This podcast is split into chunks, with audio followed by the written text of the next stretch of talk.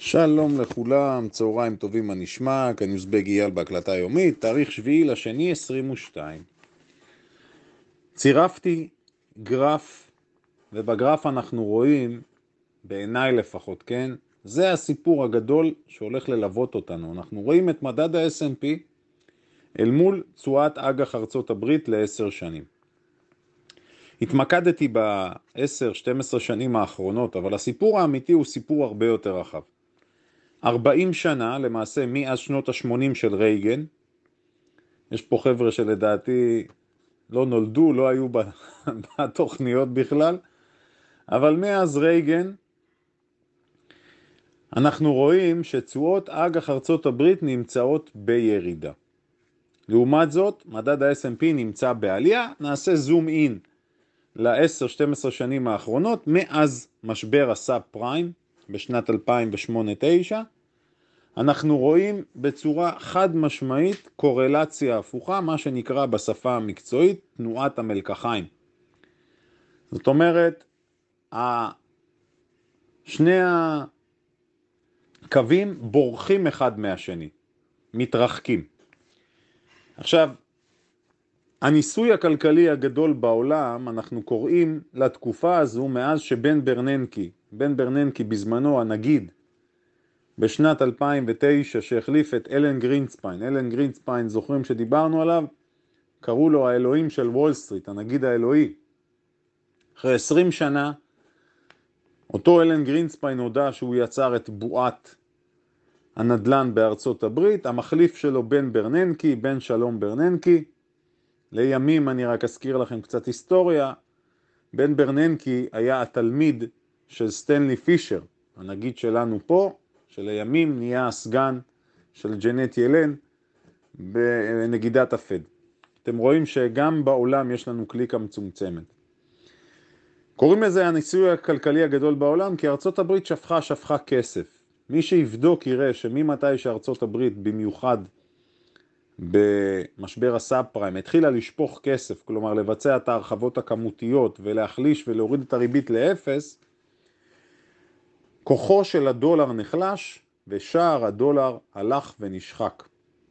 למעשה ארצות הברית בצורה יזומה ביצעה פיחות בדולר בכדי לעודד ייצוא. זה הסיפור על רגל אחת. כשמביטים בגרף אנחנו רואים מה קרה. מדד ה-S&P מתפוצץ, טס למעלה, ותשואת האג"ח הולכת ויורדת. עכשיו נזכיר דבר חשוב, מזה שנה בערך אנחנו מדברים על הבועה שנמצאת בשוק האג"ח. מה המשמעות בגרף שאנחנו רואים? יש לנו, אתם רואים את הקו הכחול, ה-S&P שעולה, והקו השני שמורכב מהנרות של תשואת האג"ח שהולכת ויורדת. זה שתשואת האג"ח ירדה בכל התקופה הזו, זה אומר שמי שהשקיע, מי שקנה אגרות חוב, מחיר האגרות חוב עלה, ותשואת האג"ח ירדה. זאת אומרת, מבחינת המשקיעים באגרות חוב היה פה גן עדן. עכשיו, אם ניכנס רגע ונוסיף עוד, ניכנס לעומק, נגיד שבכלל היה פה דבר מדהים. מי ששם את הכסף שלו בשוק ההון, גם באפיק המנייתי וגם באפיק של אג"ח ארצות הברית, או בכלל אג"ח קונצרני, כי בסוף זה, התמחור מושפע מאג"ח ארצות הברית, שמושפע מהריבית, הצליח להרוויח מכל הכיוונים. כי מחירי האג"ח עלו, אז הוא רשם רווח הון על האג"ח, וגם מחירי המניות עלו. ועכשיו אנחנו נמצאים למעשה במצב שמתחיל לייצר לחץ.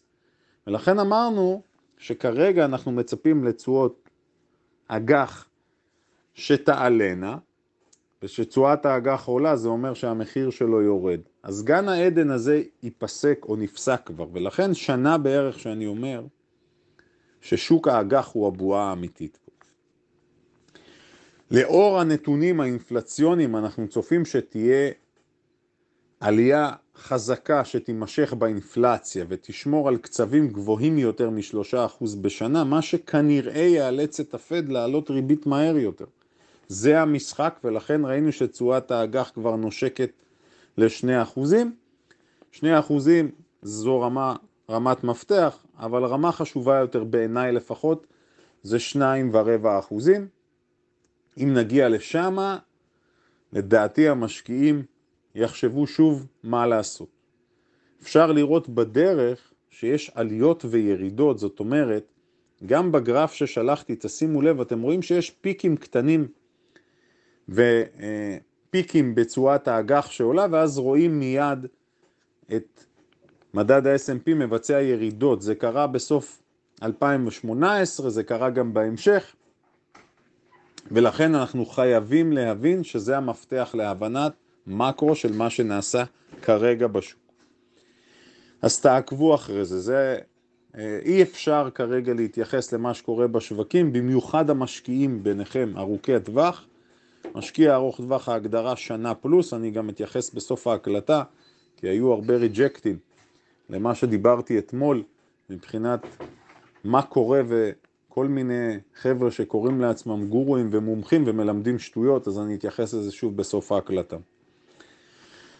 עוד דבר מאוד חשוב, שאני נשאלתי לא פעם לגבי פייסבוק, שאלו אותי שאלה שהיא שאלה טובה, שאלו אותי, תגיד אייל, איך זה יכול להיות שפייסבוק גוררת למעשה או ניסתה להחביא את הנתונים האלה, וכי ראינו בדוח הקודם גם שפייסבוק נמצאת למעשה במגמה יורדת. דיברנו על זה שכרגע אין טעם לגעת בה, אני מדבר לא עכשיו, אלא גם בסיבוב הקודם שהיא ירדה, אמרנו פייסבוק זה לא המניה להתעסק איתה בגלל הרגולטור, בגלל האג'נדה, בגלל הביצועים ובגלל שהיא מגיעה לסוג של רוויה, כולל הסיפור שהחברים שמתעסקים בזה הסבירו לי, הפרסום, ברגע שכל מדיניות הפרטיות השתנתה באפל, פייסבוק נפגעה. שאלו אותי, תגיד אייל, למה, או איך יותר נכון, היא הצליחה לשמור, כיצד היא מצליחה לשמור על רמת מחיר גבוהה, ורק בדוח האחרון היא נחשפה במערומיה.